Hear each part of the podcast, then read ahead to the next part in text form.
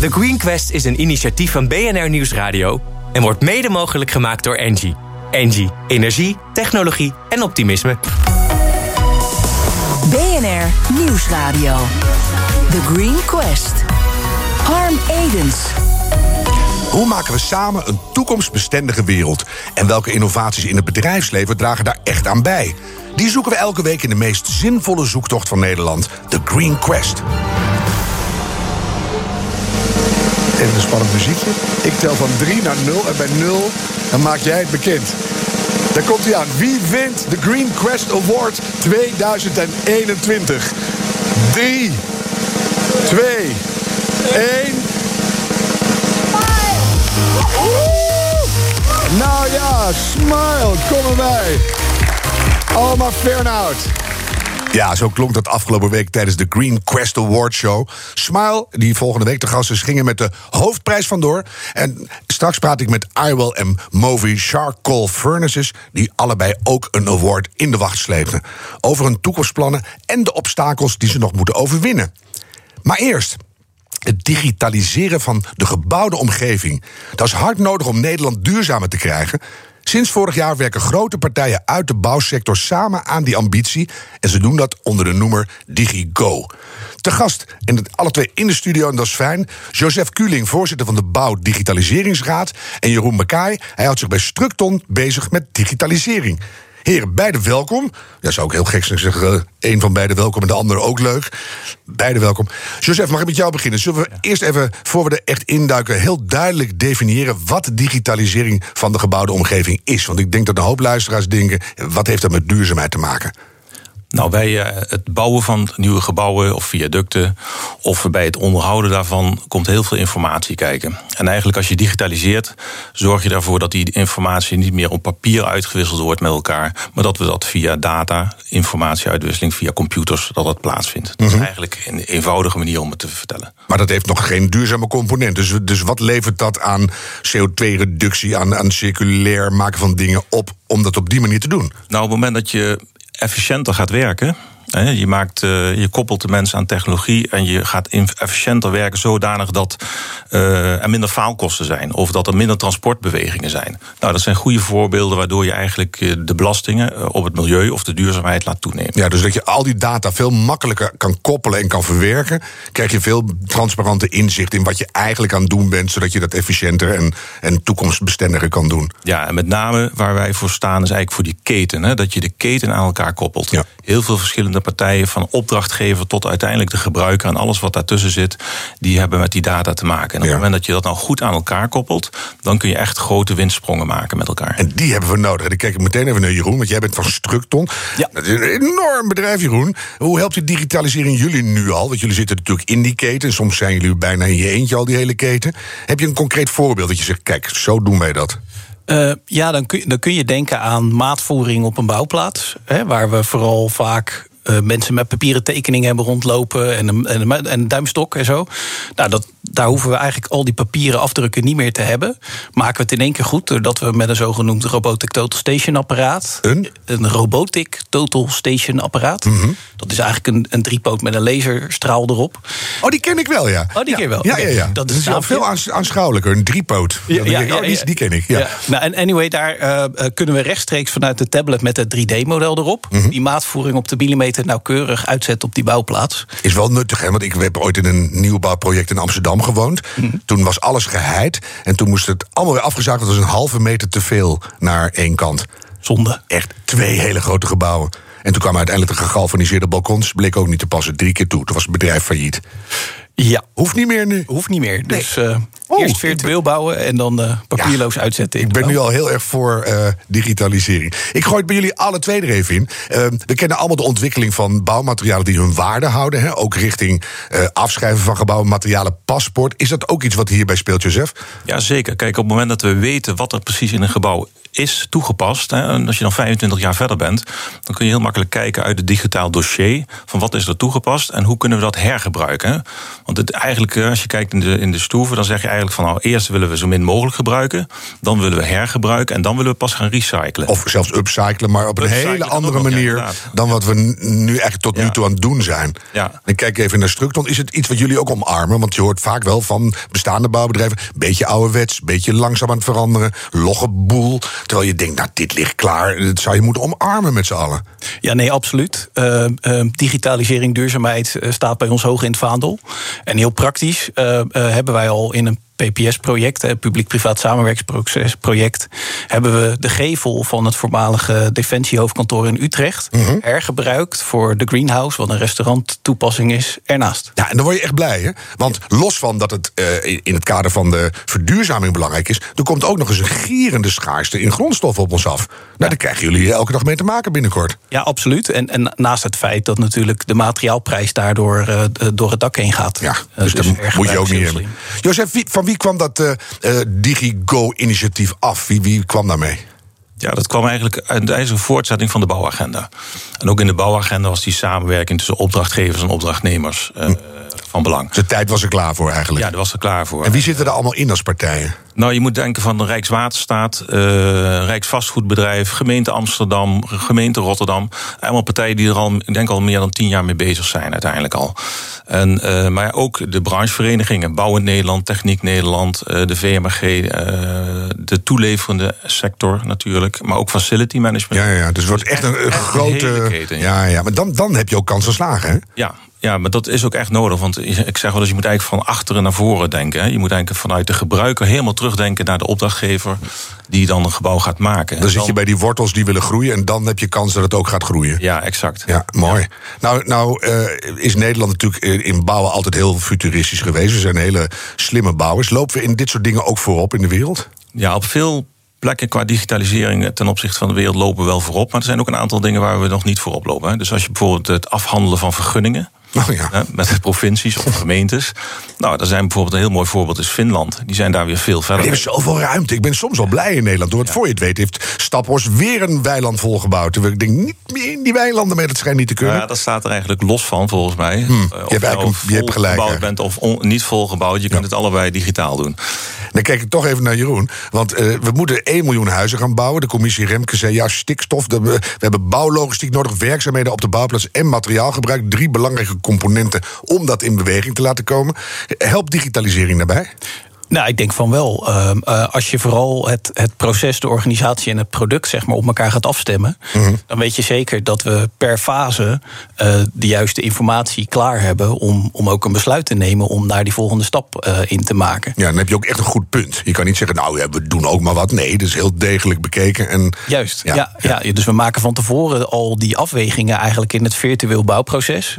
Hoe gaan we de logistiek daarin regelen? Bestellen we die, die prefab kolom uit, eh, uit eh, Italië of eh, nog verder weg in de wereld? zeg niet maar? verder Nee. weg natuurlijk. Precies, dus daar daarom. Maar dat, dat, dat is wel afhankelijk vaak van hè, ehm, ehm, het prijskaartje, de, de levertijd en, en, en wat voor middelen kun je inzetten om het hier te krijgen. Ja, en ook dus de toekomst van zo'n product. Van kunnen we daar later wat mee? Houdt dat zijn waarde? Zit dat al ver- verdisconteerd in hoe we die hele wereld gaan vormgeven? Dus dan ben je echt nieuw en, en baanbrekend bezig, zou je zeggen. Exact, dat klopt. Dus, dus het is vaak weer wat, wat Jozef net terecht ook zei: het, het van, van achter naar voor denken. Kijkend naar die, die, die levenscyclusfase verder dan alleen maar het bouwen en het realiseren. Ja, ja. Dat is heel belangrijk. Nou zijn jullie gelukkig heel groot. Dus dan denk je, dan heb je een enorm bepalende invloed op je keten. Is dat ook zo? Als jullie zeggen, wij om- omarmen die digitalisering, doe maar mee. Dan zeggen ze, ja, Structon, wij doen mee. Nou, zo werkt het niet helemaal, maar uiteraard wel. Ik denk dat, dat de Digigo met name een voorbeeld is waar we voor en met elkaar samenwerken om die stappen te maken. En als je typologie bedrijven, Structon, hè, BAM, Engie enzovoort, zeg maar, samenbrengt, samen met die opdrachtgevers en al die andere ketenpartners, Ja. dan denk ik wel dat er wordt gekeken naar van hé, hey, die doen wel hele slimme dingen, die, die maken mooie standaarden en dat kunnen we vooral weer gaan hergebruiken. Dan wil je daar gewoon bij horen, toch? Ja. Is er ook een gevaar dat je denkt, ik ben nu zo goed bezig... dat je vergeet te kijken dat het misschien nog beter kan? Nee, dat denk ik niet. Daar ben ik A, te veel eh, voor met de voeten in de klei. Um, um, ik zei het ook net tegen Jozef voordat we hier waren... Van, um, dat we digitaal werken wil niet zeggen dat we, dat we er zijn. Uh, we hebben nog een cultuur van heel erg uh, ouderwets denken en schakelen. En, ja, dat, en dat, is echt wat moet kantelen. Als je dan eenmaal in die nieuwe wereld bent, kijk ook even naar Joseph... dan moet je ook nieuwe manieren bekijken om die nieuwe wereld weer vooruit te helpen. Dus we zitten net op dat omslagpunt. Dus dat is een enorme stap die jullie moeten zetten. Nou, de grootste stap die we nu moeten zetten is eigenlijk de afspraken maken met elkaar. We hebben standaarden, we hebben de techniek waarmee het kan. Een mooi voorbeeld is Ideal in de bankwezen. Mm -hmm. Uh, Ideal, daar zijn de grote banken hebben gezegd... als een consument een transactie wil doen... dan willen we dat niet meer dat die consument last heeft... van welk banksysteem daar nu achter zit. Of dat nou van Rabobank, ABN AMRO ja, of wat dan ook. Dat gaat Zo geldt het eigenlijk ook voor uh, bijvoorbeeld in de bouw. Hè. Dus het maakt eigenlijk niet meer uit met welke aannemer je werkt in het opzicht dat je zegt van ik wil digitaal werken. En daarvoor moeten er goede afspraken met elkaar gemaakt worden. En dat is eigenlijk nu de grootste opgave waarvoor we staan op dit En zijn die er zo'n beetje al, of is het nog een lange nee, weg te gaan? We staan nu op het punt de komende twee jaar om met het DSGO-project. Mm -hmm. En dat wordt ondersteund door Binnenlandse Zaken. Dat is een belangrijk groot project om die afspraken met elkaar te gaan maken. En als, dat, als we dat voor elkaar krijgen, dan gaan we voor elkaar krijgen, dan zijn we echt Kijk, een hele dat, grote stap. Dat vind ik fijn. Dat gaan we gewoon voor elkaar krijgen. Wil ik van jou alleen nog even tot slot weten.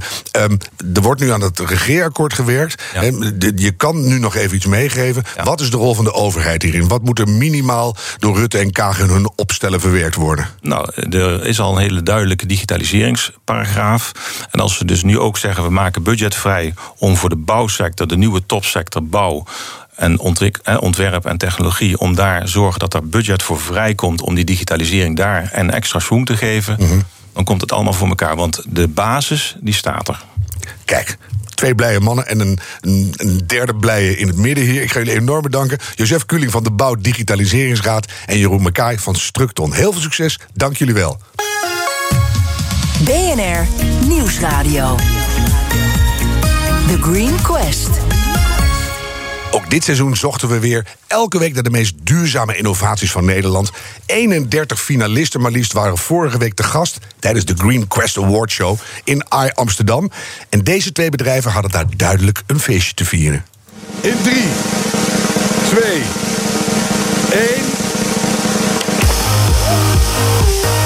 Wauw! Maar. Zo, kijk! De winnaar is geworden I Will. En de winnaar is geworden... Moving Charcoal Furnace. Dikke van de Heuvel, kom naar beneden. Ja, dat was duidelijk een, uh, een compilatie, want er zat natuurlijk enige tijd tussen beide prijzen. Victor van de Heuvel van Movi Charcoal Furnaces staat hier bij mij een hoop blije warmte af te geven, nog steeds in de studio. En Jan-Willem de Jong van Airwell die praat mee via de 5G. Uh, voor jullie allebei, heren. Uh, wat was de leukste reactie die je gehoord hebt na afloop, Victor? Uh, van de voormalige minister-president Balkende. Die was heel trots en die vond het heel erg leuk dat, ik, uh, dat wij hebben gewonnen. En, en hoe, hoe uitte zich dat? Nou, hij, hij was uh, volgens mij echt uh, geïnteresseerd en buitengewoon enthousiast. En dat is leuk. Ja, maar ik ken hem een beetje. Als hij, als hij heel blij is, gaat hij soms ook een beetje op en neer springen. Ja, van, ja, wat leuk. Ja, hij is wat kleiner dan ik ben, maar dat, dat klopt. Ja, jij bent heel groot. Dus dat was, was heel leuk. Ja, ja. dat is mooi. Jan-Willem, wat was jouw leukste reactie?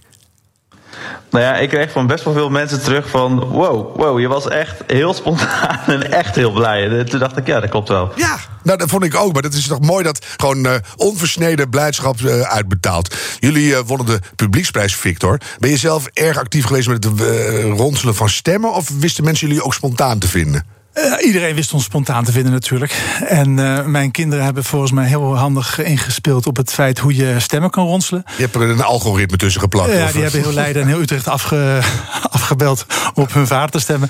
Nee, ik geloof dat het... Ik weet niet, het, ik ben gewoon blij dat het breed is gesteund. Ja, nee, je mag wel reclame voor jezelf maken... maar mensen moeten het wel oppikken. Dus dan, dat is, dat is heel gebeurd. goed gelukt. Het is ja. gebeurd, ja. Ik kan me nog een keer herinneren dat je hier in de studio stond. Jacqueline en ik begrepen aanvankelijk helemaal niet... wat jullie nou precies aan het innoveren waren. Kan je dat nog herinneren? En, en leg even uit wat jullie precies doen. Ja, ik weet dat mevrouw Kramer het had over open haarden en dat soort dingen. In de nou, woestijn? In de woestijn, ja, nee. Het is eigenlijk heel simpel. We hebben een, een hele grote houtskooloven, een overgesloten vuur. Ja. En daarin maken wij van resthout maken wij hoogwaardige koolstof, houtskool. Totaal niet sexy, maar koolstof eh, heeft heel veel toepassingen. En die koolstof gebruiken we in alles wat we hier zien. eh, via actieve houtskool, wat onder andere in tandpasta zit. De winnaar van de Queen Quest Smile, ja. ja. en wij, wij doen het dan met actieve eh, houtskool, actieve kool. Silicium, wat in horloges en computers zit. Dus de toepassingen van het maken van houtskool in onze oven is groen, emissieloos, CO2 bijna neutraal. Wat het eigenlijk nooit was. Hè? Het was een hele grote puinbak. En dat is nu Ja. eigenlijk heel duurzaam opgelost. Dat klopt. En ik probeer in ieder geval de aarde een beetje te, te, helpen door de ontbossing tegen te gaan, door het resthout te gebruiken en daar koolstof van te maken. Waarop op mijn vraag toen nog herinner ik me weer, maar die komt nu keihard nog weer een keer terug. Is er genoeg resthout? Want iedereen wil het hebben nu. Hè? We gaan er kleding van maken en gezondheidssapjes. En we gaan er biomassa op laten draaien. Kan je je reststromen veiligstellen? Eh, Weet je nooit, maar er is heel veel resthout. En, en als, als, laten we eens beginnen. En dan zien we daarna wel weer wat eruit komt. Eh, de eerste stap van de marathon is de eerste, de eerste stap van de marathon. is de eerste stap naar voren. Ja. En dat geldt ook voor het resthout. Wat is er sinds maandag gebeurd? Is er al een stap bijgezet? Eh, ja, ja.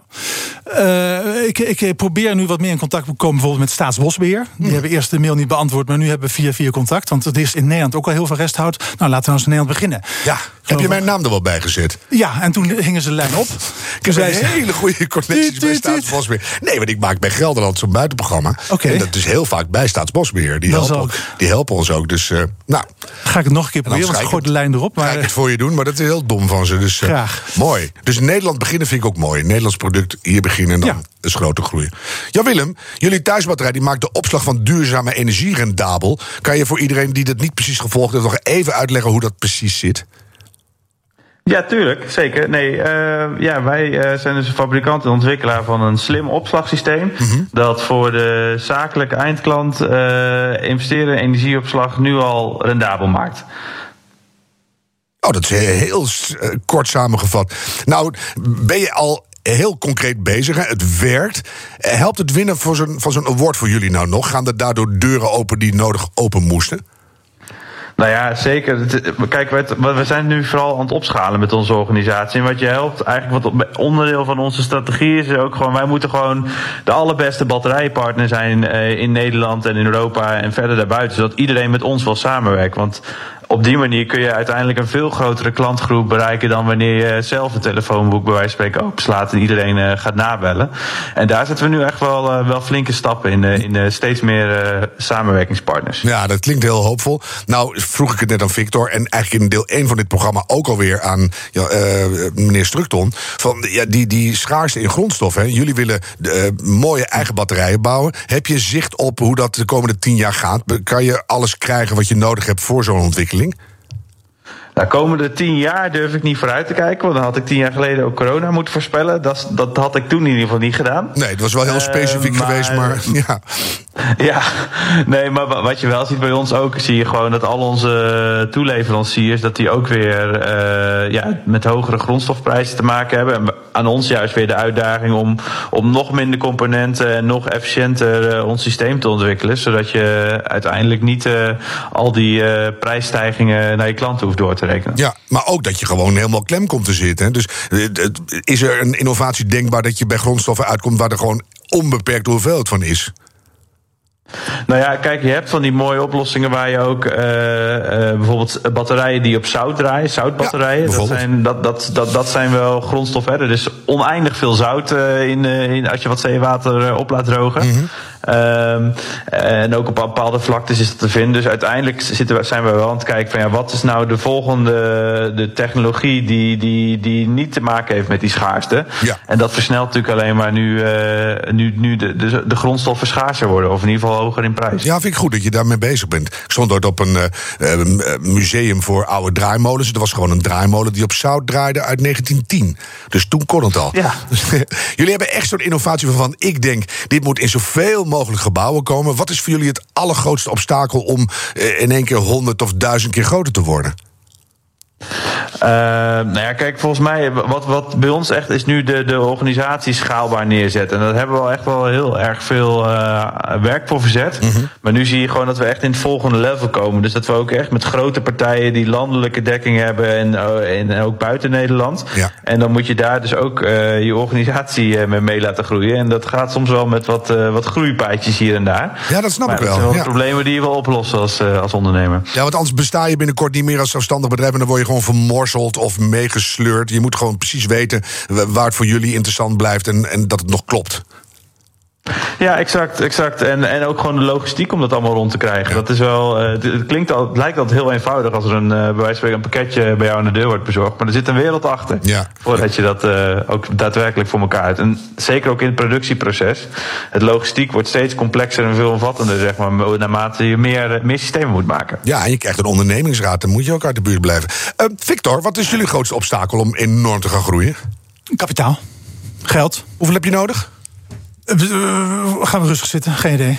Oh, dat weet je niet eens. Dat moet je snel gaan berekenen dan. Een idee, maar... Heel veel kapitaalkrachtige partijen die nu graag in jullie willen investeren, denk ik. Ja, van, altijd welkom. Nee, het gaat, het gaat niet om miljoenen.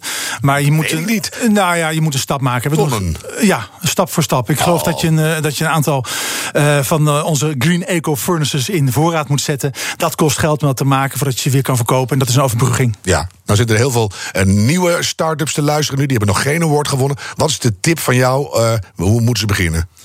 Blijf altijd dicht bij jezelf. Uh, doe het stap voor stap en heb een helder plan. Eigenlijk standaard. Ja. Tegen wijsheid. Vind ik wel mooi. Blijf bij jezelf. Dat is altijd een goeie. Hè? Ja, Willem, heb jij nog een uh, tip voor de, voor de starters nu... die echt nog maar net beginnen? Uh, nou ja, uh, volhard en duik er echt vol in. En waar anderen opgeven, gaat door. Want dan kom je uiteindelijk bovendrijven. En ja. uh, weet je ook wanneer je je plan moet aanpassen. En ja, kun je het verschil maken. Want heel veel mensen geven op halverwege. Ja, heb jij wel op een, een punt gestaan dat je dacht... nou, ik gooi de handdoek in de ring, ook ik doe het niet meer? oh ja hoor. Oh, gelukkig. Nee, dat kost behoorlijk wat bloed, zweet en tranen. En we hebben ook echt wel onze, onze cashproblemen gehad. Dus geld, hè. Ik bedoel, ja. uh, uh, voorraden aanleggen. Uh, en hoe, hoe je dat... dat zijn echt wel van die groeipijnen waar je continu ja. mee bezig bent. En, die worden, en, de, en de pijntjes worden steeds groter naarmate je zelf ook als bedrijf groter wordt. Ja, maar je spierkracht en je, en je wijsheid wordt ook steeds groter. Dus ik denk dat jullie heel ver gaan komen. Heel erg gefeliciteerd alsnog. Victor van der Heuvel van Movi Charcoal Services en Jan-Willem de Jong van iWell. En we gaan jullie kritisch volgen de komende jaren.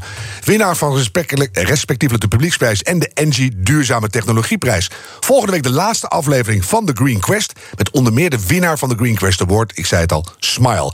Ik zou luisteren en bedenk ondertussen minstens één keer per week... die volhoudbare wereld, die maken we samen.